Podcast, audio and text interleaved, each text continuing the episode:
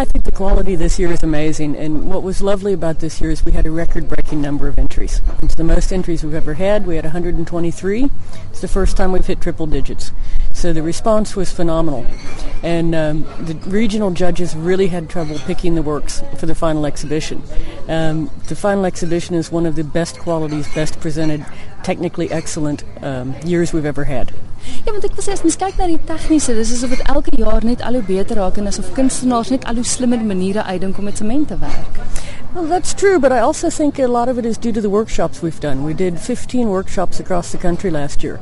And as we've seen since we've started, I believe in 2007 we started the workshops, the quality has gone up every year, and we find that most of the winning works come from entrants that have actually participated in the workshops.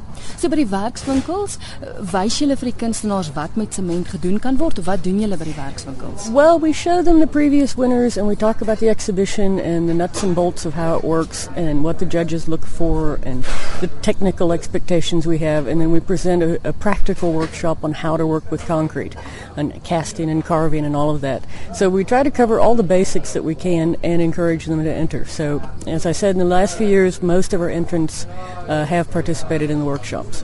Nou kyk, alhoewel 'n jaar vinnig verbygaan, is my geheue nie so goed nie, maar dit wil vir my tog voorkom asof van die kunstenaars al hoe fyner begin werk met sement. That does seem to be the case. We've had some amazingly intricate, beautifully detailed technical entries um, that have really impressed the judges. Uh, the judging this year was extremely difficult. The final judging, it was uh, interesting. Is jy gelukkig met die wenners?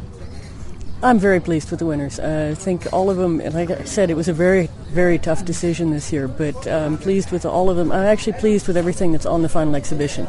Um, all the entrants should know that it is an honor just to be on the final exhibition, and all of the entries we received across the country we appreciate, and even if they didn't get in, we'd like to say thank you for entering, and please try again next year.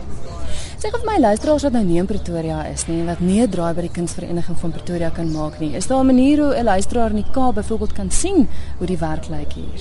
Uh, yes, we have just launched a website, uh, www.ycsa.co.za, and we are on Facebook and we're also on Twitter. And there will be also a walkabout November 16th at 11 o'clock on Saturday, uh, conducted by myself. Uh, if people are interested and want to know more about the works and the artists and how the competition works, please come join us.